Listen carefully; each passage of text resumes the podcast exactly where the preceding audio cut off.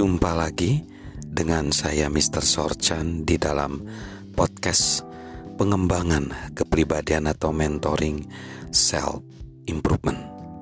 Saat ini konteks besar kita adalah how success how successful people think. Bagaimana cara orang-orang sukses berpikir. Ada 11 set atau keterampilan cara berpikir. Kita masuk di set yang ke satu atau keterampilan yang ke satu. Tumpuhkanlah cara berpikir yang mempertimbangkan gambaran keseluruhan. David Schwartz berkata, "Jika berbicara tentang keberhasilan, manusia tidak diukur menurut inci atau pounds atau ijazah universitas atau latar belakang keluarga. Mereka diukur oleh ukuran cara berpikir mereka. Sahabat Mr. Sorchan, cara berpikir yang mempertimbangkan gambaran keseluruhan dapat bermanfaat bagi siapa pun dalam profesi mana pun. Jika seseorang seperti Jack Welch memberitahukan seorang pegawai General Electric bahwa hubungan yang sedang berlangsung dengan pelanggan lebih penting dari penjualan produk individual. Ia sedang mengingatkannya tentang gambaran keseluruhan. Jika kedua orang tua muak dengan pelatihan buang air, nilai yang buruk atau kecelakaan kecil, dan yang satu mengingatkan yang lainnya bahwa kesulitan baru-baru ini hanyalah sementara, mereka mendapatkan manfaat dari cara berpikir yang mempertimbangkan gambaran keseluruhan.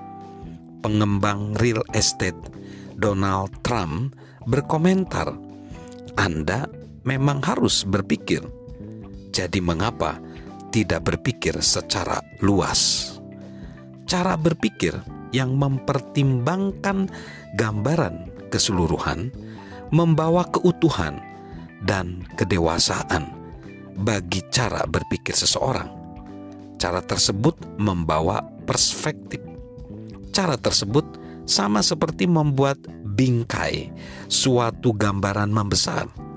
Dalam proses memperluas itu, tidak hanya apa yang dapat kita lihat, tetapi juga apa yang kita mampu lakukan. Belajarlah terus-menerus para pemikir yang mempertimbangkan gambaran keseluruhan tidak pernah puas dengan apa yang mereka sudah ketahui.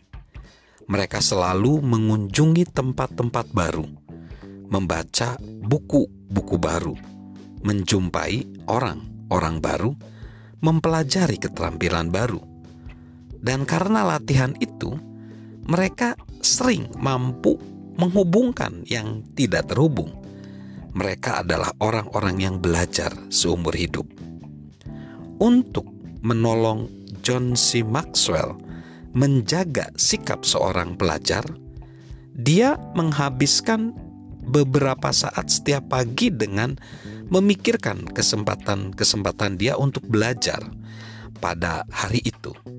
Sementara dia memeriksa jadwal dia dan daftar hal yang harus dilakukan, dengan mengetahui dengan siapa dia akan bertemu hari itu, apa yang akan dia baca, pertemuan mana yang akan dia hadiri, dia memperhatikan di mana dia kemungkinan besar akan mempelajari sesuatu yang baru. Kemudian, secara mentalitas dia memberikan petunjuk pada diri sendiri untuk mencari dengan penuh perhatian sesuatu yang akan memperbaiki diri dia dalam situasi itu. Jika kita, sahabat Mr. Sorchan, ingin terus belajar, John C. Maxwell mendorong kita sahabat Mr. Sorchan, untuk memeriksa hari kita dan mencari kesempatan untuk belajar. Salam untuk menjadi pemikir yang lebih baik. Salam sukses selalu, salam sehat selalu dari saya, Mr. Sorchan.